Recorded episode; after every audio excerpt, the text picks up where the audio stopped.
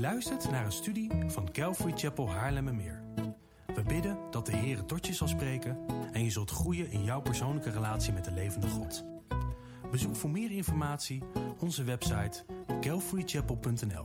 Dat is C-A-L-V-A-R-Y-C-H-A-P-E-L.nl.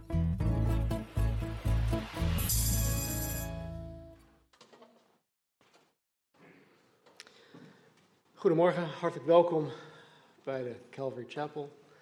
Eh, ook jullie via de livestream, hartelijk welkom. Ik heb een paar mededelingen en eh, ik wil iets vertellen over ehm, onze livestream die wij uit noodzaak in maart hebben moeten starten. Daar kom ik zo meteen nog even op terug. En ik heb wat, eh, wat hele mooie dingen met jullie te delen, waar ik zelf heel erg ja, blij van word. Ehm, er gebeurt best wel veel achter de schermen waarvan jullie eigenlijk heel weinig weten, of misschien zelfs niets. En daarom wil ik vandaag ook gewoon het een en ander vertellen. Maar goed, als, als, eh, als eerste heb ik een hele blijde boodschap van uh, familie Van Belen. Die, is, uh, ja, die zijn gisteren hun dochtertje rijker geworden. Althans, um, daar heb je haar. Uh, ik weet niet hoe ze dat uitspreken, maar um, ik denk dat ze Abigail heet. Ja? Oké, Marnie zegt ja. Dus Abigail um, Janique van Belen. Ze is gisteren geboren om 13 uur 39. Uh, alles gaat goed. Uh, mama, kindje is gezond. En uh, Marnie heeft een kaart die ze ergens neer gaat leggen. Marnie, ergens neer gaat leggen. Ja. Hallo Marnie, Marnie. Waar ga je die kaart neerleggen? Oké. Oké, Marnie heeft de kaart. ja, leuk als jullie iets, iets dan opschrijven. felicitatie of iets dergelijks. Maar goed, uh, we zijn uh, bezig met gemeentegroei en uh, dankjewel André en Linda daarvoor. gisteren hebben we ook best wel een, een bijzonder ehm, iets gehad. de Kees en Lianne die hebben gisteren een toerusting en bemoedingsochtend geregeld voor de kinderbediening. En kinderbediening dat behelst al ja, de allerjongste, zoals bijvoorbeeld nu een, een Abigail, tot aan de tieners. En um, ik vond het wel heel bijzonder, want we zaten daar met 17 mensen in de zaal. En er waren twee zelfs online aanwezig. Eén uh, uit Nieuw-Vennep, die er niet bij kon zijn. En eentje uit Hongarije, die uh, nu in Hongarije zit vanwege familietoestanden. Maar gewoon gaaf dat we daar dan met 19 mensen aanwezig waren. Om toegerust en bemoedigd te worden in, uh, in de bediening van, ja, voor en, en naar de kinderen toe. En ik zat daar en ik dacht van, wauw, dit is toch echt heel bijzonder. We zitten hier gewoon met, met 19 mensen die onze kinderen bedienen. En als ik terugdenk naar 2007, of eigenlijk eind 2006, begonnen we de kerk met zelfs minder mensen dan wat er in de zaal zat uh, gisteren. Dus we begonnen met 12 mensen, waaronder vier tieners. En nu hebben we gewoon 19 mensen aanwezig in, uh, in onze kinderbediening. Dus dat is gewoon een, uh, ja, een, echt een zegen voor mij. Um, Daaraan, uh, op, uh, daarop aansluitend is de, uh, zijn de tieneravonden weer, of die gaan weer van start, aanstaande vrijdag. En um, ik denk dat het bij André en André thuis is. Jee, kijk! Eentje is er heel erg blij mee. Jana, goed zo. Goed zo. Uh, dus aanstaande vrijdag 4 september, inloop vanaf uh, 19 uur 20. Ze starten echt, uh, denk ik, stipt op tijd, André kennende. Om half acht en het eindigt officieel zo um, 9 uur. Zwattingburen 67. Dus als je een tiener hebt, breng ze daar naartoe. jullie zullen als ouders er baat bij hebben, maar vooral ook voor de kinderen. Die worden ook echt bemoedigd en toegerust in, ja, in het christen zijn. Um, nog even een paar praktische dingen. Als jullie mensen uitnodigen en meenemen, graag alle introducees even bij, uh, bij Marcel uh, melden. Als je ook zonder uitnodiging er vandaag voor het eerst bij bent, jezelf graag bij Marcel de Haan uh, melden. Marcel de Haan die zit daarachter, prachtig grijs haar. Marcel de Haan. Um, ja, en dan de, de, de livestream. er zit een filosofie achter. En wat ik net zei, het is uit nood uh, geboren op maart 22, uh, 22 maart dit jaar. En ja, het, het, is een proces. En het is een proces waarin wij um, gewoon keihard aan het werk zijn om het elke keer te verbeteren. Elke zondag ontdekken wij dingen van, oh, dat, dat kan anders, eh, dat moet anders. We kunnen ja, dit aanscherpen en, en, enzovoort enzovoort. Um, maar goed, dat zijn even de, praktische dingen. Ik geloof dat de livestream echt bij, um, bij de grote opdracht past. En het is niet om, het gaat mij er totaal niet om hè, dat wij kunnen zeggen, oh, guess what, hey, wij zijn Calvary Chapel, wij hebben een livestream. Nee, wat wij de afgelopen wat vijf maanden meegemaakt hebben, is dat door de livestream wij in aanraking komen met mensen buiten onze vier kerkmuren. En het heeft een, een, een best wel een groot bereik. Wij zijn een, vrij kleine gemeente. Uh, als ik even kijk naar alle namen op onze, op onze namenlijst, dan uh, tellen wij misschien uh, rond de 75 mensen, inclusief kinderen. Trouwens, um, kinderen, ik denk dat we rondom 40 kinderen en tieners in, de, in deze gemeente hebben. Dus dat is al heel wat. Maar goed, even. even dus we zijn ongeveer 75 mensen groot. Um, wat ik ook de afgelopen tijd heb gemerkt is dat niet alle 75 hier tegelijk uh, zijn. Maar dat doet er niet toe.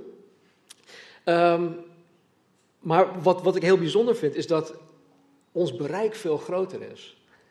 Um, wij hebben bijvoorbeeld sinds eind vorig jaar, dus eind 2019, zijn er bijna 100 abonnees op onze YouTube-channel erbij gekomen. Nou, in vergelijking met de, de, grote namen en de grote producties die, uh, in, in, de wereld, uh, die in de kerkwereld zijn, is dat gewoon peanuts. Maar als je nagaat, 100 abonnees erbij. En dat is zonder dat ik of dat jullie ge, gevraagd hebben van, oh wil je alsjeblieft op onze YouTube-channel abonneren? Nee, dit is echt organisch gegaan. En, en ik, de meeste mensen ken ik niet eens wie, wie, uh, wie op onze channel abonneren. Dus er zijn 100 mensen erbij gekomen. We, we zitten nu op ongeveer 234 abonnees. Dus ja, wij zijn 75 mensen groot hier. Maar er zijn wel 234 abonnees die ook uh, meekijken. En uh, het, het zijn niet alleen de abonnees, maar afgelopen maand werd er voor 575 uur gekeken. Dus niet gewoon even klik aan en dan weer klik uit, maar echt 575 uur lang werd er op onze YouTube-channel gekeken. En um, ja, daar word, ik, daar word ik hartstikke blij van. Want het enige wat wij op onze YouTube-channel zetten is het woord van God. Dus mensen kijken 575 uur lang naar um, de prediking. En daarnaast uh, hebben wij andere platformen zoals uh, Spotify, we hebben podcasts, we hebben zitten op uh, andere dingen. Ik, weet niet eens meer wat, waar we allemaal op zitten, maar um, ons bereik is vrij groot. Veel groter dan wat we beseffen. 138 mensen ontvangen wekelijks een e-mail. Dat wordt automatisch gedaan. Mensen hebben zich daarvoor opgegeven. Ze komen op onze website. Ze krijgen een pop-up. Hey, wil je wekelijks uh, een e-mail ontvangen of wil je op de hoogte gehouden worden van wat er van de preken enzovoort enzovoort. En tot nu toe hebben 138 mensen zich daarvoor opgegeven. Nogmaals, mensen die, die, ik, die wij gewoon niet kennen. En um, die krijgen dus elke week een e-mail waarin de recente preek wordt aangekondigd. En uh, Casper die schrijft ook uh, elke week prachtig een, een, een, korte overdenking, een devotional. Die krijgen ze dan ook gelijk mee. En um, ja, daarnaast um, ben ik sinds begin maart, dat was nog zelfs twee, zelfs voor de coronacrisis, door onze online aanwezigheid werd ik door vier mannen vanuit het land, vier verschillende mannen, benaderd. met, met het verlangen om in hun woonplaats een Calvary Chapel uh, te willen starten of gestart te zien worden. En um, ja, het is, het is echt gaaf om, dan, om met deze mensen uh, in contact te komen. Zodra ze contact met mij maken, ja, dan, dan vraag ik hun um, of we even beeld, of we kunnen, kunnen beeldbellen. En uh, nou, dat doen we dan ook. En uh, goed, ik heb een aantal namen heb ik al eerder genoemd. Maar als je nagaat, dan, dan, zit, dan, komen die vragen uit Friesland, Kollemerswaag. Um, dat stel heeft zich onlangs ook aangesloten bij een van de online fellowship groepen die we hebben. Uh, dat gaat ook hartstikke goed.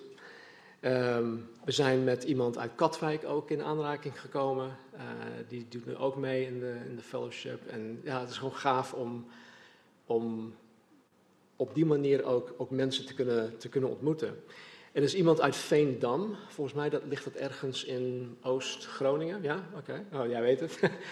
Uh, die wil ook heel graag een, eh, een Calvary Chapel zelf gaan starten. In Zwolle is er iemand en ook misschien in Barneveld. Dus er zit echt beweging in. En uh, ik, ik ga um, aan, niet aanstaande zondag, maar de week daarop ga ik weer, ga ik weer voor.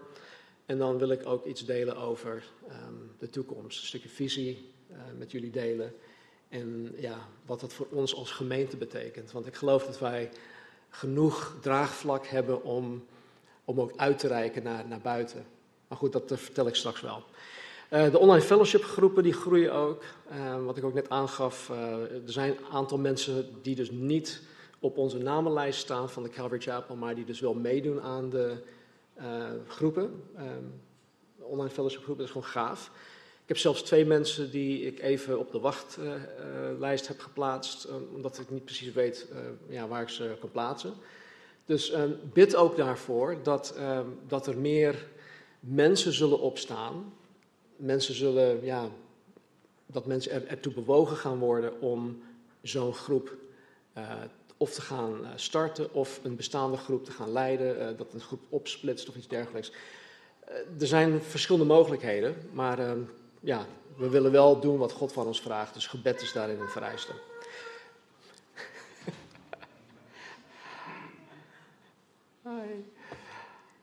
Maar goed, um, genoeg gezegd. Ik laat het um, hierbij en ik draag het over aan Casper. Als jullie vragen hebben over alle ontwikkelingen, ik ben erg excited over wat er allemaal gebeurt. Dus uh, schroom niet om vragen te stellen. Casper.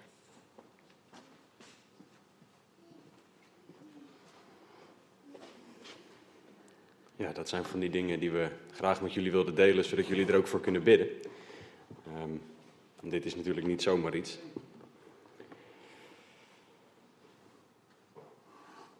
Laten wij onze Bijbels openslaan op het prachtige Bijbelboek Romeinen. Want wij zitten ondertussen alweer, ik ben ondertussen even iets wat ik vergeten was aan het doen. Um, maar we zijn ondertussen alweer negen zondagen aan studies hebben we achter de rug. En we gaan vandaag beginnen aan de tiende studie in het prachtige Bijbelboek Romeinen. En vorige week hebben wij samen gekeken naar wat de hoogste nood van de mens is. En niet wat de mens daar zelf van vindt, maar wat de Bijbel daarvan zegt.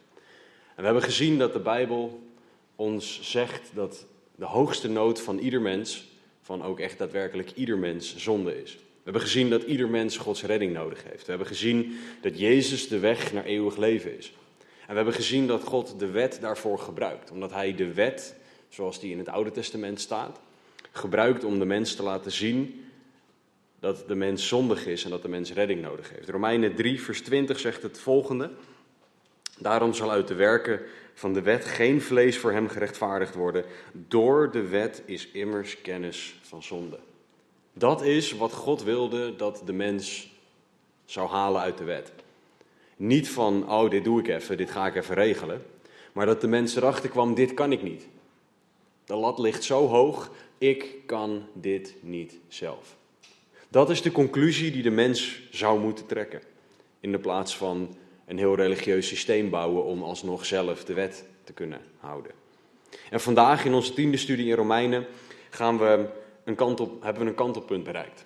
We hebben de afgelopen negen studies hebben we gekeken naar het feit dat ieder mens een zondaar is. En dat punt zal terug blijven komen door de studies heen. Maar waar Paulus gekeken heeft naar hoe word je niet gered, gaat hij vanaf nu kijken naar hoe word je dan wel gered. Want hij wilde er eerst voor zorgen dat iedereen wist: ik zit in hetzelfde schuitje als ieder ander mens. Hoe die mens er ook uitziet, wat die ook zegt, hoe die ook praat, hoe die klinkt, waar die vandaan komt. We zitten allemaal in hetzelfde schuitje. We zijn allemaal zondaren die redding nodig hebben. En dan is natuurlijk de logische vraag: hoe?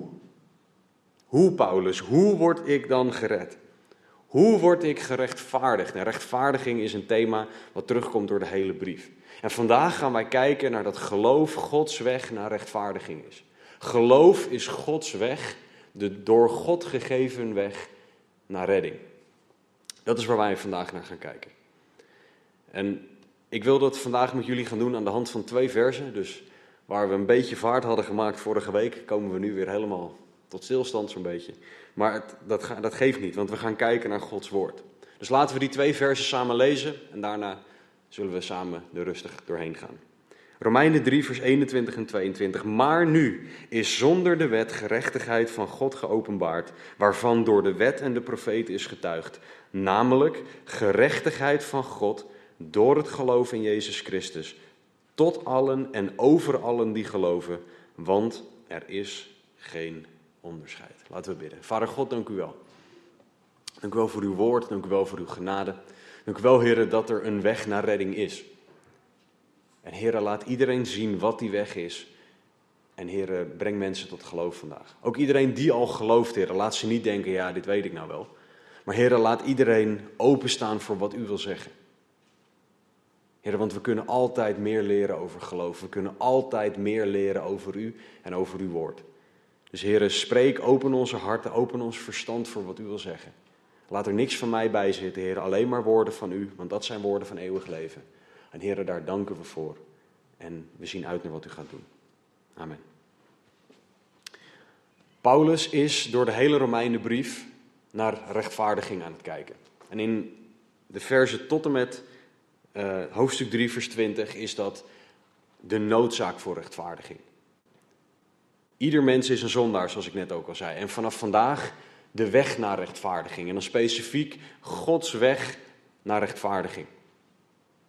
En hij gaat tot en met hoofdstuk 5 en het einde van hoofdstuk 5 gaat Paulus de mens duidelijk maken, dit is de weg naar rechtvaardiging. En dat is een weg door geloof, om maar gewoon met de deur in huis te vallen. Het is niet zo dat als je hard genoeg werkt, dat als jij de juiste dingen doet, dat als jij de juiste formule uitspreekt, dat je dan gered wordt. Het is niet zo dat als je genoeg keer hetzelfde doet, hetzelfde gebedje uitspreekt, hetzelfde dingetje doet, dat je dan Gods liefde opeens kan verdienen. Want God zegt, er is niemand die verstandig is, allen zijn afgedwaald, er is niemand rechtvaardig, ook niet één. En daarom is er een weg nodig voor de mens. Daarom heeft God ook de weg gegeven. En daarom zegt Paulus in vers 21, maar nu. Die twee woorden zijn een teken van een kantelpunt. Ze zijn een, het kantelpunt van de gedachte die ervoor zat, namelijk over wat de weg naar redding niet is. En wat onze noodzaak voor rechtvaardiging is, naar wat is nou wel de weg van redding. Die woorden maar nu maken duidelijk dat Paulus van de gedachte afsluit en doorgaat naar iets wat erop volgt. Hij maakt een scheiding tussen wat ervoor zit. En hij maakt een scheiding tussen redding door de wet, die niet mogelijk is, maar nu is zonder de wet gerechtigheid van God geopenbaard. Aan het einde van vers 20 heeft hij het over door de wet is immers kennis van zonde, maar nu zonder de wet. Dit is in afgelopen woensdag in onze fellowshipgroep hadden we het over begrijpend lezen. En dat was niet om terug te gaan naar de basisschool of om de docenten hier in eh, de zaal blij te maken. Maar dat was omdat begrijpend lezen heel erg nuttig is. Om hetzelfde stuk, en ik weet dat een docent nu hier heel blij wordt, um, maar op het moment dat je zo'n stukje vaker leest, dat je het 2, 3, 4, 5, 10, 15, 20 keer leest. En ja, soms moet dat. Maar dan ga je erachter komen wat de schrijver daadwerkelijk bedoelt. Dan ga je erachter komen dat er een contrast, een zwart-wit, een goed-kwaad contrast geschetst wordt. Tussen door de wet, dus met de wet is kennis van zonde.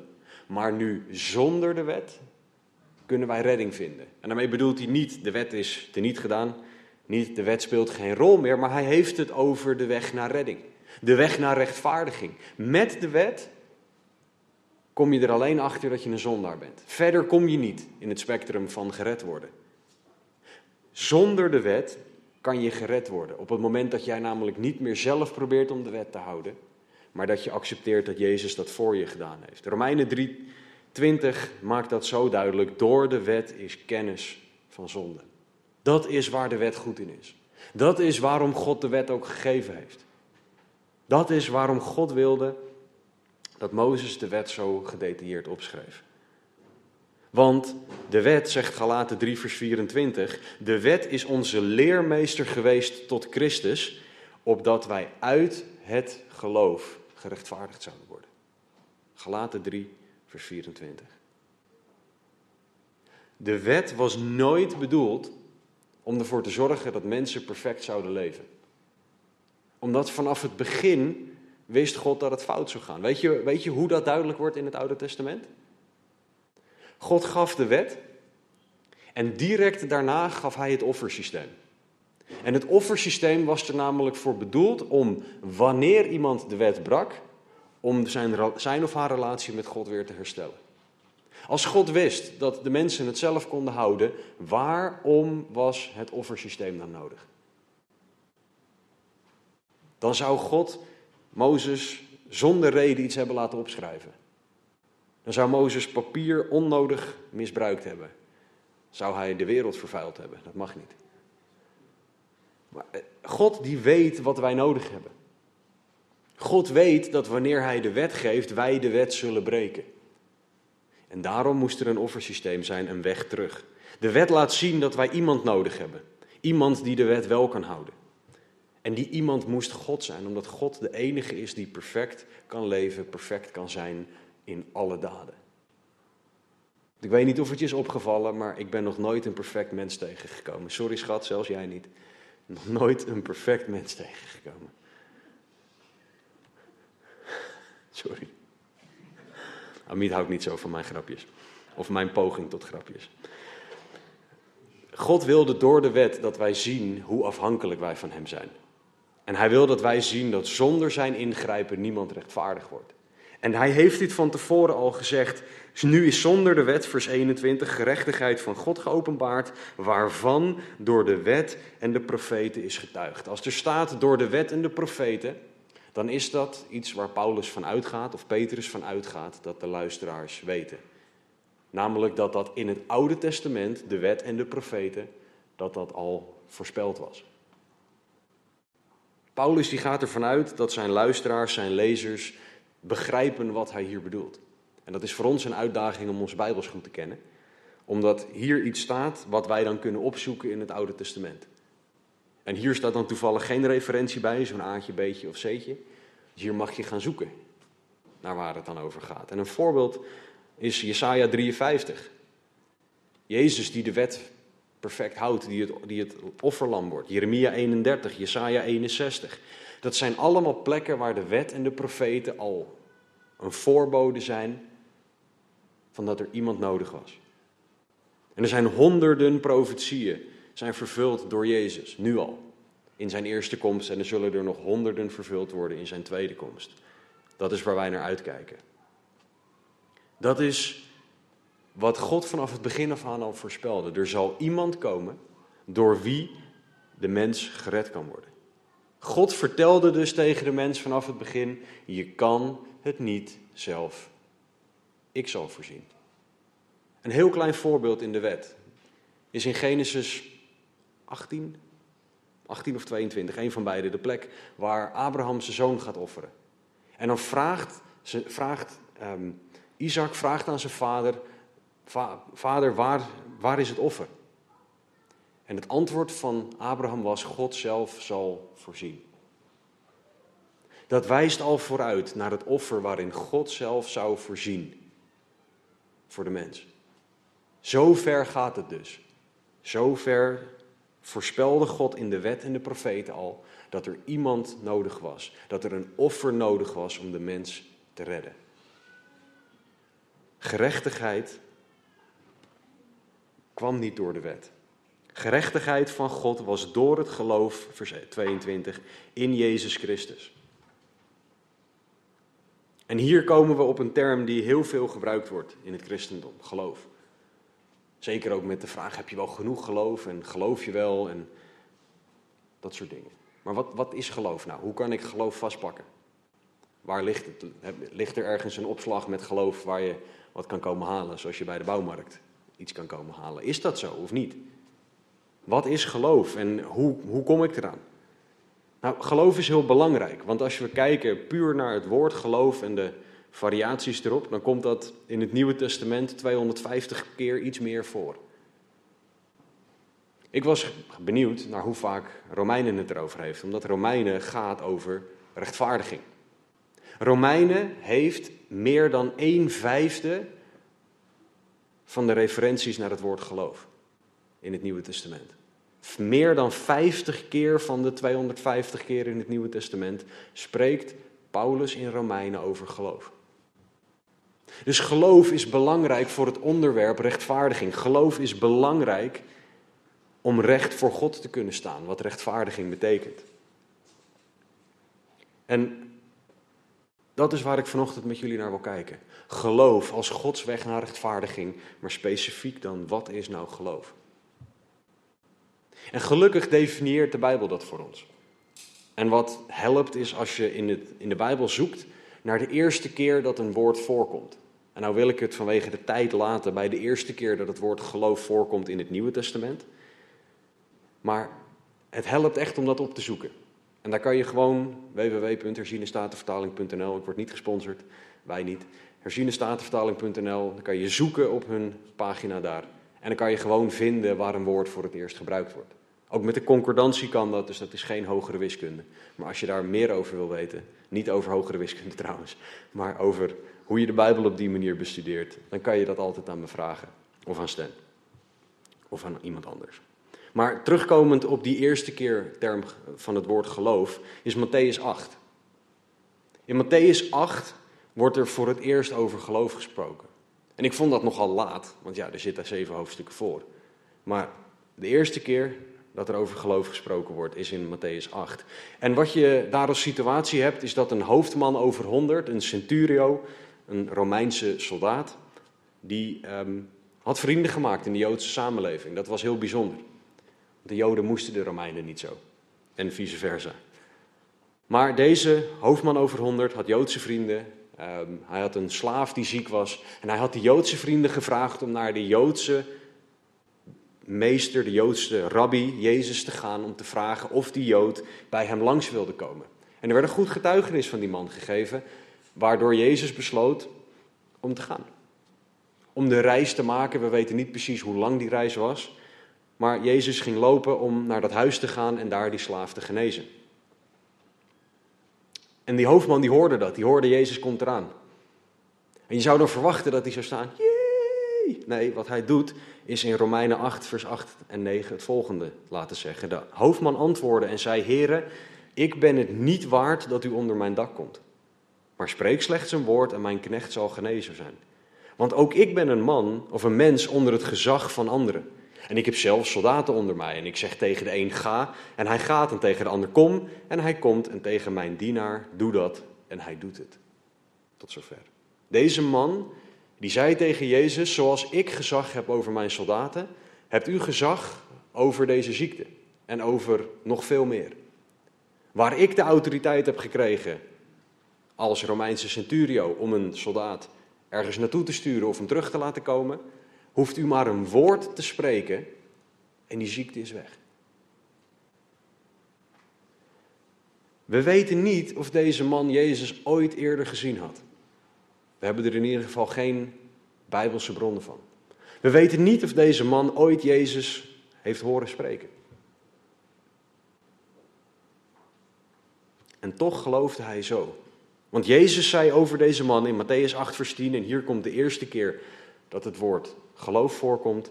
Toen Jezus dit hoorde, verwonderde hij zich en zei tegen hen die hem volgden: Voorwaar, ik zeg u, ik heb zelfs in Israël zo'n groot geloof niet gevonden. Jezus spendeerde heel veel tijd aan praten met fariseeën en schriftgeleerden en sadduceeën en andere mensen die zichzelf heel belangrijk vonden in die tijd. Allerlei mensen die heel religieus waren, die bezig waren met het geloof. Maar bij deze heiden, deze centurio, deze Romein, zegt Jezus: Zo'n groot geloof heb ik nog niet eerder gevonden. Dit is iemand waarvan we niet weten of hij Jezus ooit gezien heeft, nogmaals. En toch geloofde hij dat Jezus machtig genoeg was. Dat Jezus autoriteit genoeg had. Toch geloofde hij Jezus. Jezus hoefde niet eens bij hem in huis te komen. Jezus hoefde het alleen maar uit te spreken. Dat was genoeg. Zoveel geloof had deze man in Jezus Christus. Dus de eerste keer dat het woord geloof voorkomt, legt iemand zijn leven en het leven van iemand anders in Gods handen, zonder God misschien wel ooit echt gezien te hebben. Legde iemand zijn welzijn en het welzijn van iemand anders in Gods handen.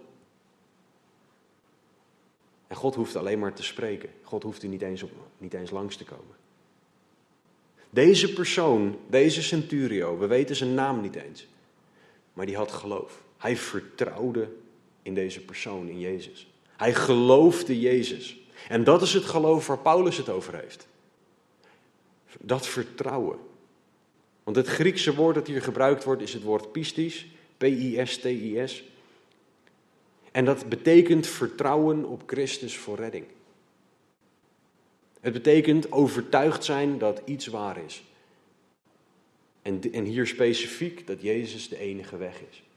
Dat is het geloof waar Paulus het over heeft. En dat is het geloof dat deze centurio had. Dat deze heiden mocht hebben in Jezus. En Jezus zei niet, jij mag mij niet geloven. Wie ben jij? Doe eens niet zo gek dat je in me gelooft. Hou eens op. Nee, Jezus die accepteerde en omarmde zijn geloof. Hij prees dat geloof zelfs. Omdat hij wist dat dat geloof de weg naar redding was. Ook voor deze centurio. Juist ook voor deze centurio. Paulus wist dat gerechtigheid van God alleen door geloof in Jezus Christus zou komen. Alleen door geloof, alleen door vertrouwen, door de overtuiging dat Jezus woorden waar zijn. Dat alles wat Jezus zei, dat alles wat Jezus gedaan had waar is. Alleen dat is wat redding zou brengen. Alleen geloof is de weg naar eeuwig leven. We zullen in hoofdstuk 4 zullen we gaan kijken naar Abraham. Voordat Abraham ook maar iets goeds had gedaan, zei God over Abraham, Abraham geloofde en het werd hem tot rechtvaardigheid gerekend. Niet Abraham deed dit en hij deed dat en hij was zo'n goed mens en Abraham deed een hele hoop hele stomme dingen. Leek wel een echt mens. Abraham geloofde en het werd hem tot rechtvaardigheid gerekend. Voordat hij de dingen ging doen die hem tot de voorvader van de Joden maakten. Abraham geloofde. En ik, het is echt mijn gebed dat we jouw naam daar ook kunnen invullen. Vul je naam in, geloofde. En het werd tot rechtvaardigheid gerekend. Dat jouw leven gekenmerkt wordt door geloof. In de plaats van door hard werken of liefde verdienen of door iets anders. Geloof. Paulus weet heel goed hoe belangrijk geloof is. Want in vers 21 tot en met 31, en we gaan volgende week gaan we proberen hoofdstuk 3 af te maken. Maar in vers 21 tot en met 31, waarin Paulus spreekt over de weg naar rechtvaardiging, heeft hij het negen keer over dat er iets door iets anders gebeurt. Hij zegt bijvoorbeeld in vers 22 dat gerechtigheid van God door het geloof is. In vers 24 door zijn genade, door de verlossing, door het geloof, vers 25. En zo gaat hij door. Dat zijn van die woorden om op te letten wanneer je die tegenkomt bij het Bijbellezen. Dat is waarom begrijpend lezen zo belangrijk is. Waarom, als je mijn Bijbel ziet, die volgekalkt staat met allerlei dingen. Omdat ik dan iets zie. En dan geef ik het aan. Maak notities, schrijf in je Bijbel. Zodat je dit soort woorden gaat zien. Omdat je dan de herhaling gaat zien die God aangeeft. Door geloof, door geloof, door geloof is de redding, is wat God zegt. Paulus wil dat wij weten dat geloof de enige weg is. En om ervoor te zorgen, want hij weet hoe kort ons geheugen is, herhaalt hij in hoofdstuk 3, vers 23 even iets wat hij in het hoofdstuk eerder, of eerder in het hoofdstuk al gezegd heeft. Hij heeft gezegd, gerechtigheid van God is door geloof in Jezus Christus. En dan vers 23, voor de duidelijkheid, Allen hebben gezondigd en missen de heerlijkheid van God. Oftewel, vergeet dat niet. We hebben het over redding, maar vergeet niet dat allen gezondigd hebben. Met dat in het achterhoofd zegt Paulus negen keer dat door geloof redding is. Hij maakt een punt. Er is redding, er is gerechtigheid, er is recht voor God staan door het geloof in Jezus Christus. En wat prachtig is, is dat het open voor iedereen is. Paulus zegt in vers 22: Het is tot allen en over allen die geloven, want er is geen onderscheid. Dit zorgt ervoor dat iedereen tot geloof kan komen. Dit zorgt ervoor dat niemand uitgesloten is. Ook die mensen niet die jij niet aardig vindt, die mensen die jij vervelend vindt, die mensen die het bloed onder jouw nagels vandaan halen, of ze dat nou weten of niet. Tot allen en over allen. Want er is geen onderscheid. Wij mensen maken onderscheid. Heel veel, op heel veel manieren, ook op heel veel foute manieren. God zegt, er is geen onderscheid. Geloof is voor allen en over allen. Iedereen kan en mag tot geloof komen. Maakt niet uit wie je bent, waar je vandaan komt. God zet de weg open voor iedereen. De weg naar rechtvaardiging is geloof. Dat is namelijk hoe God het definieert. Dat is zo belangrijk om te weten. Geloof is de weg naar rechtvaardiging. Maar ik had beloofd dat we naar de vraag zouden kijken: wat is geloof dan? Want ik heb er nu een beetje vakkundig omheen gepraat. Dat was ook de bedoeling trouwens. Ehm, want ik we moesten eerst vaststellen dat geloof belangrijk is. Als het namelijk niet belangrijk is, waarom zouden we er dan over praten? Dus God wil vaststellen, geloof is belangrijk. Want hij heeft eerst vastgesteld, werken gaan het niet worden. Hard werken gaat het niet worden. Heel hard werken, je dood werken gaat het niet worden. Geloof in Jezus Christus leidt tot gerechtigheid. Maar wat is dat dan? Nou, Hebreeën 11 vers 1. Het geloof nu is een vaste grond van de dingen die men hoopt en een bewijs van de zaken die men niet ziet. Wat de schrijver van de Hebreeënbrief zegt, is dat geloof zekerheid is. En dat klinkt heel raar. Want we geloven in een onzichtbare God en toch hebben we zekerheid. De schrijver zegt zelfs: het is een bewijs van de zaken die men niet ziet. Dat is een beetje tegenstrijdig gevoelsmatig. Dat er bewijs geleverd wordt voor iets wat je niet ziet. Ik had het net over, ik noemde de bouwmarkt, ik ben thuis aan het verbouwen, dus vandaar dat de vergelijking met de bouwmarkt terugkomt. Maar bij de bouwmarkt kan ik iets pakken, iets ophalen. Als ik niet genoeg hout heb, ga ik nieuw hout halen. Maar het is niet zo dat er ergens een winkel is dat als ik daar wat geld neerleg, ik even wat geloof kan kopen. Ik kan niet ergens naar binnen lopen en zeggen: Hebt u voor mij een onsje geloof? Pak het maar in en dan neem ik het mee. Zo werkt het niet. Geloof is vertrouwen. Onze oudste dochter stond laatst op de trap. Niet te hoog. Maar toen sprong ze naar beneden in mijn armen. Zij heeft dan geloof in mij dat ik haar opvang.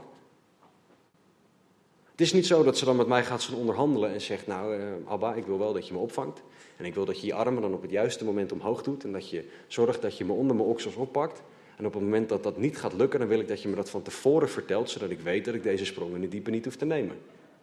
Want ja, anders wordt het toch wel een hele grote uitdaging. Want als ik, nou ja. Dat doet ze niet. Ze springt gewoon. Zelfs als ik het niet verwacht. Zoveel geloof heeft zij in het feit dat ik haar opvang. Dat is het geloof dat wij in onze hemelse papa mogen hebben. Want er, is niet zomaar een reden waarom mijn oudste dochter zegt, of zomaar doet, dat ze van die trap af kan springen en in mijn armen kan springen. Ze, ze heeft niet een ondertekend bewijs van mij gekregen dat ik er dan opvang. Maar ze gelooft dat ik er opvang. Dat is hoe geloof werkt. Bijbelcommentator Bruce heeft gezegd: Je ogen produceren een overtuiging of bewijs van zichtbare dingen. Geloof is het orgaan dat mensen in staat stelt om de onzichtbare dingen te zien. Geloof is het orgaan dat mensen in staat stelt om de onzichtbare dingen te zien. Ik hoef niet te geloven in dit hout, in deze kansel, want ik kan hem vastpakken. Maar ik moet wel geloven in de zwaartekracht dat als ik iets laat vallen, dat het naar beneden gaat. Ik hoef niet te geloven in iets fysieks, maar ik mag wel geloven in iets wat ik niet zie. En de effecten daarvan. En dat is geloof. Geloof is gericht op wat men niet ziet, maar wat we wel kunnen weten. Geloof is vertrouwen dat God is wie Hij zegt dat Hij is. Geloof is de wetenschap dat wat de Bijbel zegt waar is. Ondanks dat het soms tegengesproken wordt door mensen. Of ondanks dat ik het niet altijd begrijp. Ik begrijp niet alles van God. Geloof is dan als een kind vertrouwen dat wat je hemelse papa zegt waar is. Want papa heeft het gezegd. En als mensen dan iets anders zeggen, is nee, want papa heeft het gezegd. En ik vertrouw papa meer dan dat ik jou vertrouw. Dat is geloof. Bijbelcommentator Warren Wiersbe heeft gezegd: geloof is voor een christen wat een fundering voor een huis is. Het geeft vertrouwen en zekerheid dat we overeind blijven. Einde citaat. Ons geloof is de fundering voor alles wat we doen. Zonder geloof hebben we geen fundering, dus zullen we onderuit gaan. En gelukkig is ons geloof ergens op gericht. Want zoals mijn dochter in mij gelooft, dat ik er opvang wanneer ze van de trap afspringt, zo mogen wij ook in iemand geloven. Niet in een iets, maar in een iemand. Geloof is niet blind. Het is niet, nou ja, hand voor je ogen en je hoopt maar wat. Geloof is vertrouwen dat God doet wat Hij zegt, omdat Hij God is en omdat Hij niet zal veranderen. Hoe weet ik ook dat geloof niet blind is? Nou, door wat Hebreeën 3 of 11 vers 3 zegt. Door het geloof zien wij in, de wetenschap zou deze moeten lezen, door het geloof zien wij in dat de wereld tot stand gebracht is door de oerknal. Nee, door het woord van God. En wel zo dat de dingen die men ziet niet ontstaan zijn uit wat zichtbaar is. Geloof in God is niet blind. Het is niet dom, het is niet irrationeel, het is niet voor alleen maar wanhopige mensen. De Bijbel en geloof in God zijn gebaseerd op feiten. Feiten die zichtbaar zijn in deze wereld. Want de dingen om ons heen bewijzen dat geloof waar is. Dat geloof in God echt is. Als je me niet gelooft, kijk maar naar de oerknal. Vraag maar eens aan een wetenschapper wat de kans is op de oerknal. Beginnen ze vaak heel moeilijk te praten, maar als je doorvraagt tot echt de daadwerkelijke kans, dan zie je een hele hoop nullen achter de komma. 0, dit nullen en dan misschien een 1 of een 2. Zo weinig kans is erop. Want er waren twee atomen in het universum, waar die vandaan komen weten we niet. Die knalden op elkaar, explodeerden en daaruit kwam een oersoep waar toevallig twee cellen uit kwamen lopen. Het kan niet dat deze aarde door toeval ontstaan is, want het is allemaal te perfect. Het meest treffende voorbeeld vind ik zo'n beestje, de termiet. Die eet hout, maar kan hout niet verwerken met zijn eigen maag. Dus toevallig zit er een bacterie in zijn maag waardoor hij hout kan verwerken en er voedingsstoffen uit kan maken. Wie was er eerst? De termiet die geen hout kan verwerken of de, houtetende, of de houtverwerkende bacterie die in de termiet zit?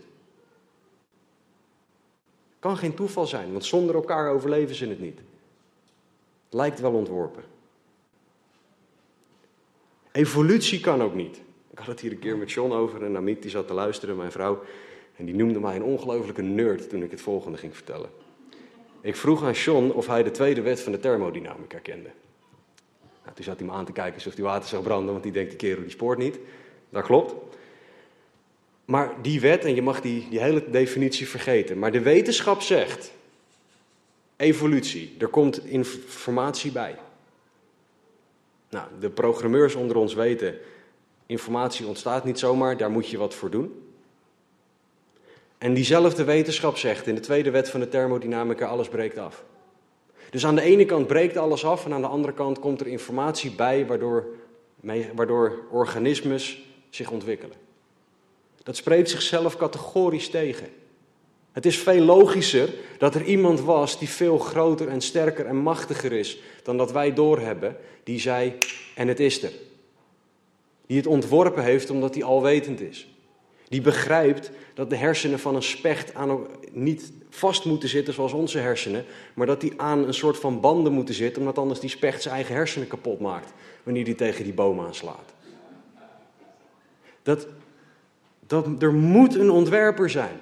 Het kan niet anders. De, de, wetenschap spreekt zichzelf tegen. En als je echt nog een laatste bewijs wil, en deze ram ik er heel snel in, daarna ga ik afsluiten. Maar geloof laat ons zien dat, dat dingen niet zomaar zijn. DNA. Ons DNA stuurt ons lichaam aan. Ons DNA maakt proteïne om het lichaam aan te sturen. Specifieke proteïnes worden aangemaakt om specifieke ehm, processen in ons lichaam op gang te brengen. En nou is ons DNA vrij uitgebreid. DNA is een taal, dat is ondertussen erkend door de wetenschap. Maar die taal die is niet hetzelfde als de taal die, waar, die de bouwstenen van proteïne spreken. Bouwstenen van proteïne zijn aminozuren, is mij verteld. Die aminozuren spreken een andere taal. DNA-taal wordt vertaald naar aminozuurtaal door iemand of iets. En die aminozuren worden in de juiste volgorde gezet zodat er proteïne komt die het proces aanstuurt.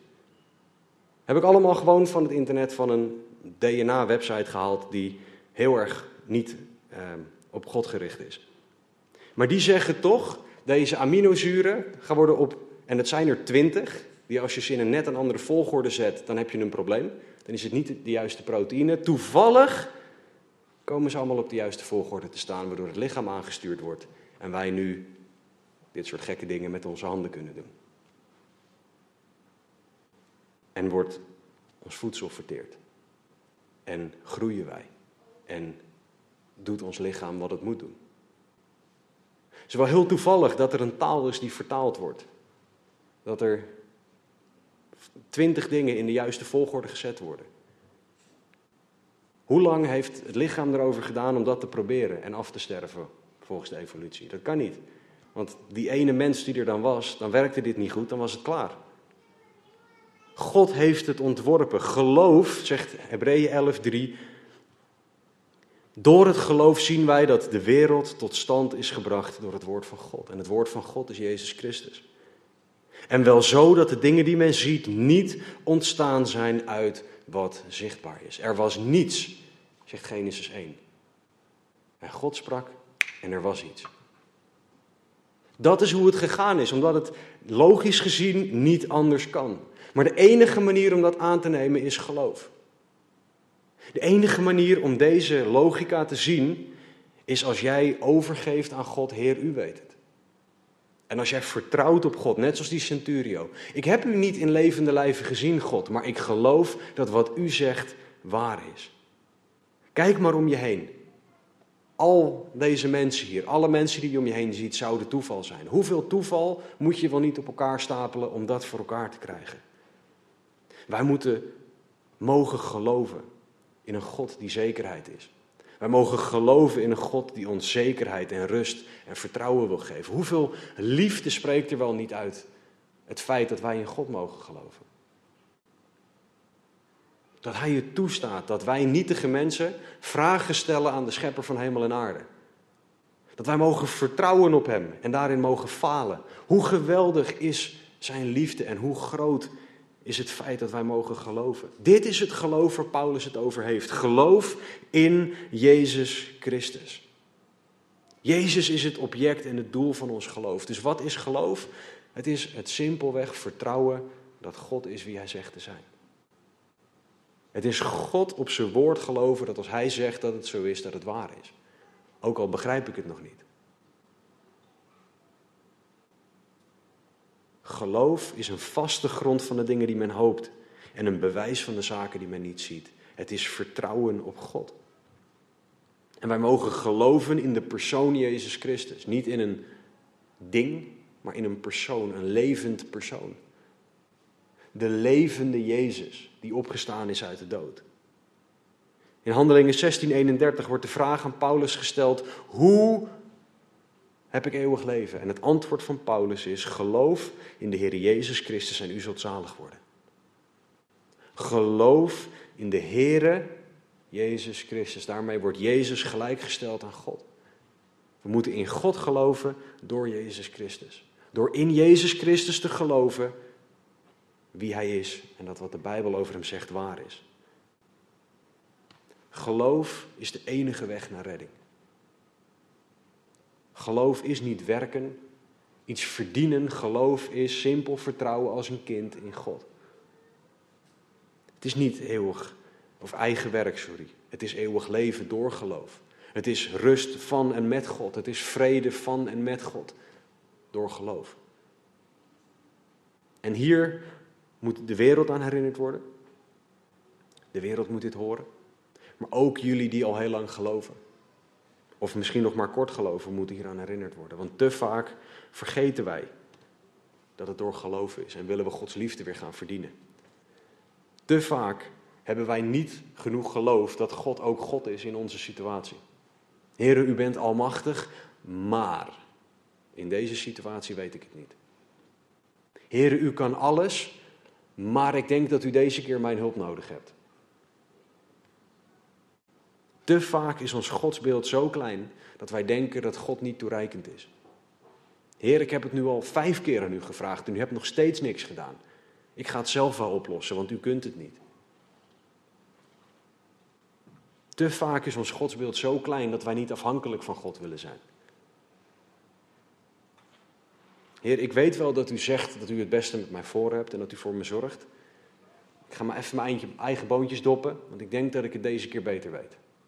Heer, ik heb een plan, zegen mijn plan. In de plaats van Heer, wat is uw plan en hoe pas ik daarin? Te vaak is ons comfort te belangrijk. Waardoor wij niet kunnen geloven dat God zal voorzien in wat wij nodig hebben.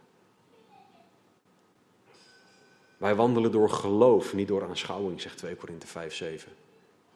Geloof is zo belangrijk, maar we vergeten zo vaak de noodzaak voor geloof. Geloof voor redding, maar ook geloof voor het dagelijks leven. Geloof dat God bij ons is, dat God voor ons zorgt, dat God ons liefde blijft geven elke dag weer. Dat God vergeeft, ook wanneer we voor miljoen 804.200 en de vierste keer weer onderuit zijn gegaan. Ik kan dat getal trouwens niet herhalen nu, maar elke keer wanneer wij falen, vergeeft God. Geloof je dat? Of verval je dan in, ah nee, ik moet het nu wel weer gaan verdienen. Want het kan nu niet meer, nu ik dus voor de zoveelste keer onderuit ben gegaan. Hoe krijg je geloof? Romeinen 10, 17. Zo is dan het geloof uit het gehoor en het gehoor door het woord van God. Door het woord van God. Dit boek. Maar ook de persoon die het woord van God is, namelijk Jezus Christus. Hij is het levende woord. Dus door Gods woord te lezen, te bestuderen, door God te leren kennen, zal ons geloof toenemen. Door Jezus te kennen, zullen wij geloof gaan krijgen. En Hem meer gaan geloven. Geloof is door het horen en horen door het woord van God. Ja, onze daden richting mensen moeten goed zijn. Maar uiteindelijk zullen wij ook mensen het woord van God moeten geven, want dat overtuigt de ziel. Dat is wat mensen zal redden. Dat is waardoor geloof komt. Dat is waardoor jouw geloof zal groeien. De belangrijkste vraag die iemand jou ooit kan stellen is: geloof jij in God? Geloof jij in Jezus? Want geloof is de weg naar rechtvaardiging, is Gods weg naar rechtvaardiging. Zonder geloof moeten jouw werken goed genoeg zijn. En we hebben gehoord en de afgelopen weken gehoord dat jouw werken niet goed genoeg zijn. Maakt niet uit hoe goed ze zijn, ze zijn niet perfect. Dat is goed genoeg. Alleen geloof brengt eeuwig leven. Dus de vraag is: geloof jij in Jezus? Geloof jij in Jezus als de zoon van God, als God zelf? Je hoeft niet alles te snappen, maar je moet wel weten, je moet geloven, vertrouwen als een kind dat Jezus God is. Dat Hij voor jouw zonde gestorven en opgestaan is. Dat is het evangelie en dat is waarin wij mogen geloven. Dat is waarin jij mag geloven. Er is geen onderscheid. Als jij al gelooft, hoe staat het met jouw geloofsleven? Geloof jij God nog wel echt? Of doe je maar gewoon je ding en heb je ook nog ergens in een vakje God zitten? Heb jij het idee dat jij God echt vertrouwt? En zo ja, waar blijkt dat uit? Heb jij het idee dat je Gods redding en Gods liefde moet verdienen? Of weet je nog dat het op basis van geloof is? Is God de eerste naar wie jij toe gaat als het tegenzit? Ik sprak vanochtend met Martien en die zei dat hij zich niet zo lekker voelde en dat ze toen hebben gebeden. Onze eerste reactie is vaak: ik ga niet, of ik gooi er een pilletje in, of ik kijk wel even of het goed gaat, of honderd andere dingen in de plaats van dat we het geloof hebben dat God ons kan helpen in die situatie. Hoe groot is God voor jou? Is dat de God van geloof die oneindig groot is? Of is het zo'n God die je in een hokje kan stoppen in je gedachten? Geloof jij God of niet? Geloof is de weg naar rechtvaardiging. Geloof is de weg naar leven met God. Alleen geloof. Laten we bidden. Vader God, dank u wel. Dank u wel voor wie u bent, Heer. Dank u wel dat we door geloof u mogen kennen. Dank u wel dat we door het geloof u beter mogen leren kennen. En dank u wel, Heer, dat u niet tegen ons zegt, nou verdien het maar. Maar dat we mogen geloven. Dank u wel voor die zegen, voor die genade. Dank u wel dat u goed bent, Heer, elke dag weer. Dank u wel, Heer, voor het feit dat u door het geloof zoveel dingen bevestigt.